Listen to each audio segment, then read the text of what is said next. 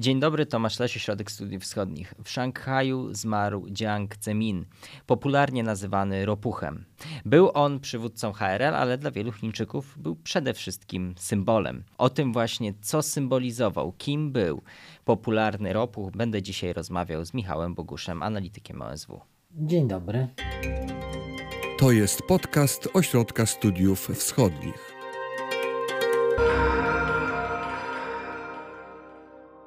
Zaczniemy od tego, kim był. On był przywódcą HRL, tak jak wspominałem, w latach 90., czyli w dosyć specyficznym dla Chin okresie. Tak, y, Jiang Zemin został sekretarzem generalnym partii, wybranym tak naprawdę jednoosobowo prawie że przez Deng Xiaopinga po wydarzeniach na placu Tiananmen, po masakrze studentów. W tym czasie, w czasie wydarzeń na placu Tiananmen, Jiang był sekretarzem partii w Szanghaju. W, Szanghaju też dochodziło do protestów studenckich, robotniczych, ale Jiang Zeminowi udało się w brutalny sposób, wykorzystując y, milicję robotniczą, spacyfikować miasto, uspokoić nastroje, ale bez przelewania krwi. Co wielu Chińczyków pamięta mu w pozytywny sposób do dnia dzisiejszego. Ale jednak y, nie był całkowicie kryształowy w tym y, nie, no to, to, to, był członek partii, działacz partyjny, aparatczyk, który jak, jak przyszło co do czego, to nie, to nie zawahałby się e, i zabić i wydać rozkazu e, strzelania do ludzi, ale po prostu w umiejętny sposób postanowił rozładować e, atmosferę w mieście, spacyfikować bez rozlewu krwi, ale to nadal była pacyfikacja. Co jednak na tle wydarzeń e, w Pekinie, rozmachu działań Armii Ludowo-Wyzwoleńczej w, w stolicy, ilości ofiar tam, które padły, no, jakby Chińczycy liczą mu to na plusa. Trzeba pamiętać, że Szanghaj był trochę innym miastem, do dnia dzisiejszego jest innym miastem niż Pekin, bardziej liberalnym, gdzie trochę, na, na trochę więcej władza pozwala i to, i to jakby też wpłynęło w dużym stopniu na stworzenie tego mitu Jiang Zeminga. Czyli jego wybór y, po wydarzeniach 89 roku, po tym, jak rozumiem, też nie był przypadkowy w tym kontekście. Też to miał być jakiś sygnał, może nie tyle liberalizacji, ale pewnego oddechu. Tak, Jiang Zemin był po pierwsze niezamieszany bezpośrednio w wydarzenia w Pekinie, ponieważ znajdował się wtedy e, w Szanghaju. Sposób, w jaki rozwiązał protesty, e, spacyfikował protesty w Szanghaju, miał dawać nadzieję Chińczykom, że krwawy okres się skończył i teraz będzie, będzie już tylko lepiej. E, co nie było do końca prawdą, bo oczywiście po, po, po masakrze e, bezpieka wciąż ścigała wielu ludzi, zapadały wyro, wyroki wieloletniego więzienia i tak dalej, i tak dalej, ale Chińczycy w swojej masie jakby ujęli to wszystko w nawias.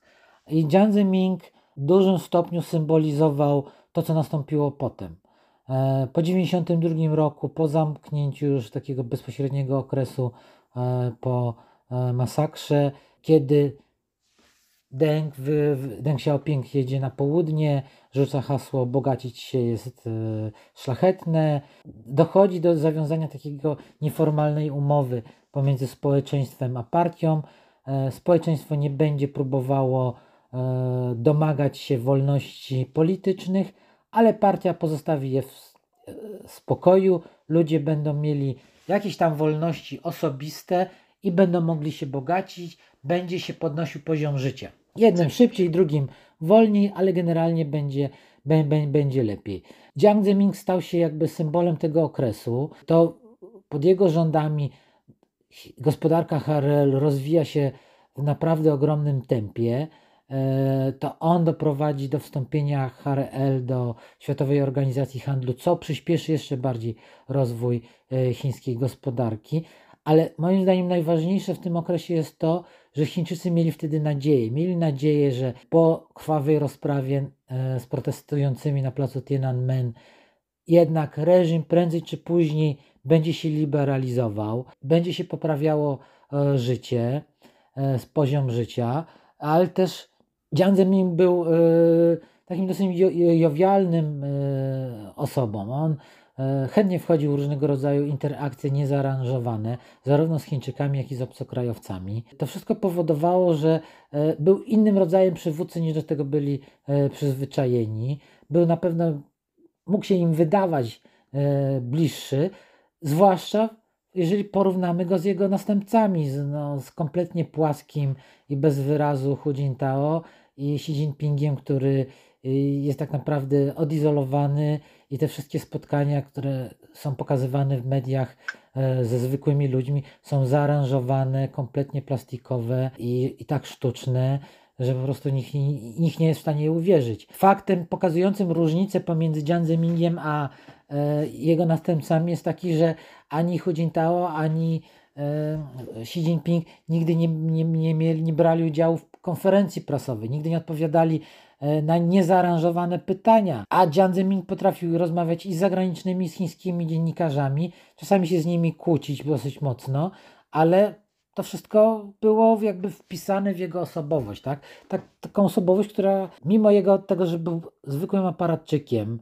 e, miał, był uwikłany jak najbardziej e, w represyjną część e, aspekty tego systemu, to myślę, że, że był osobą, która dała się lubić. On miał też ksywę Ropuch, co jest dosyć specyficzne. Znaczy, z, faktycznie on w, na niektórych zdjęciach wygląda bardzo jak, jak Ropuch ale proszę, musimy pamiętać, że e, w chińskiej kulturze ropucha, złota ropucha jest symbolem szczęścia i bogactwa. Tak? To są te wszystkie figurki, które niektórzy przywożą sobie z Chin albo można kupić w sklepach z różnymi orientalnymi gadżetami u nas.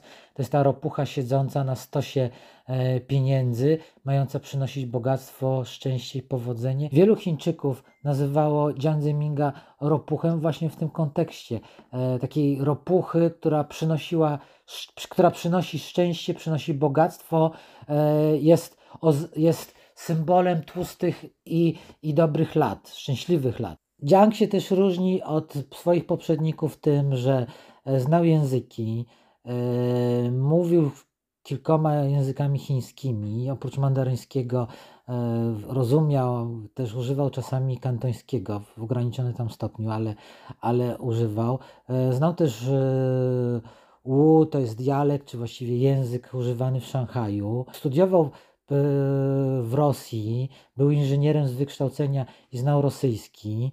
I też e, pamiętał Chiny przed KPH, przed HRL. Tak, i e, znał też, znał, pamiętał Chiny z, sprzed ustanowienia HRL, co mu pozwalało zawsze jednak spojrzeć inaczej na, na, na system, którego był współuczestnikiem i współtwórcą, ale jednak był, był w stanie spojrzeć na, na niego z innej perspektywy.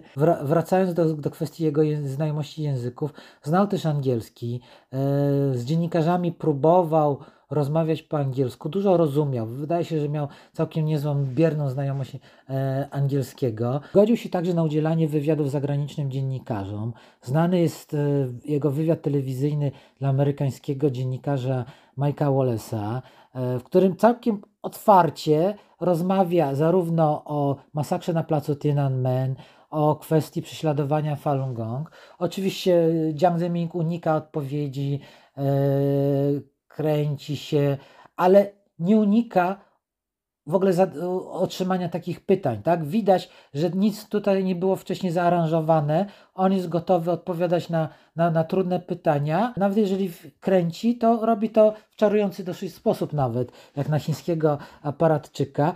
I to pokazuje, że to był kompletnie inny kaliber człowieka niż Hu Jintao czy Xi Jinping też on jest symbolem, o tym cały czas mówimy, ale on pojawia się też w memach, czyli jak rozumiem, w, dociera też y, nie tylko do tego, do tego starszego pokolenia, ale też do tego pokolenia powiedzmy dorosłych, młodych dorosłych. Tak, i myślę, że wiedząc coś o Jiang Zemingu, można powiedzieć, że byłby z tego bardzo zadowolony. One by go cieszyły i bawiły, bo był osobą, która miała też dystans do siebie. To widać. Bo one są chyba też w swoim wydźwięku dosyć pozytywne. Tak, one są dosyć pozytywne. Czy to są różnego rodzaju memy, albo różnego rodzaju żaby e, mające wielki, wielkie czarne okulary, w sensie e, okulary w czarnych e, oprawkach, e, takie jakie nosił Jiang Zemin, albo to są zdjęcia kaczuszek z jego okularami, albo w ogóle memy pokazujące jego zdjęcia e, w różnych pozycjach czy sytuacjach, e, które inni przywódcy by się bali ujawnić i, i dążyli do ich wykasowania, usunięcia z przestrzeni publicznej.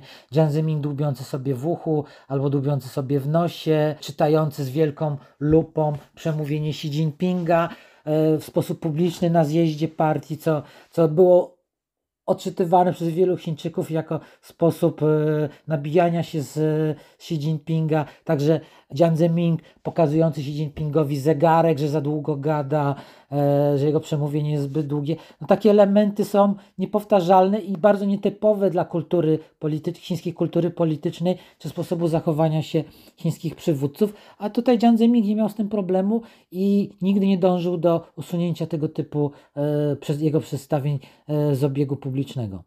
E, gdy rozmawialiśmy, gdy umawialiśmy się na ten podcast, na tę rozmowę, mówiłeś, że to jest symboliczne, że to się wydarzyło akurat teraz, w tym kontekście bieżącym. Dlaczego?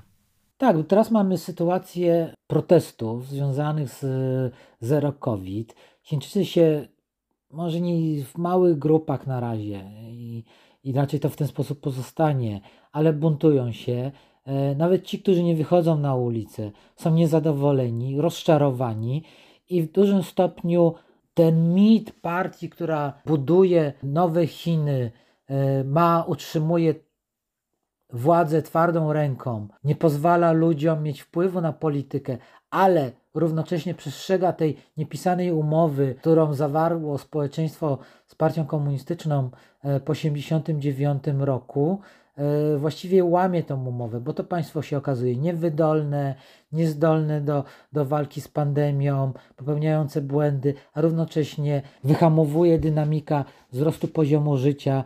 E, wśród młodych jest 20, czy prawie 20% bezrobocie. E, Chińczycy tracą nadzieję.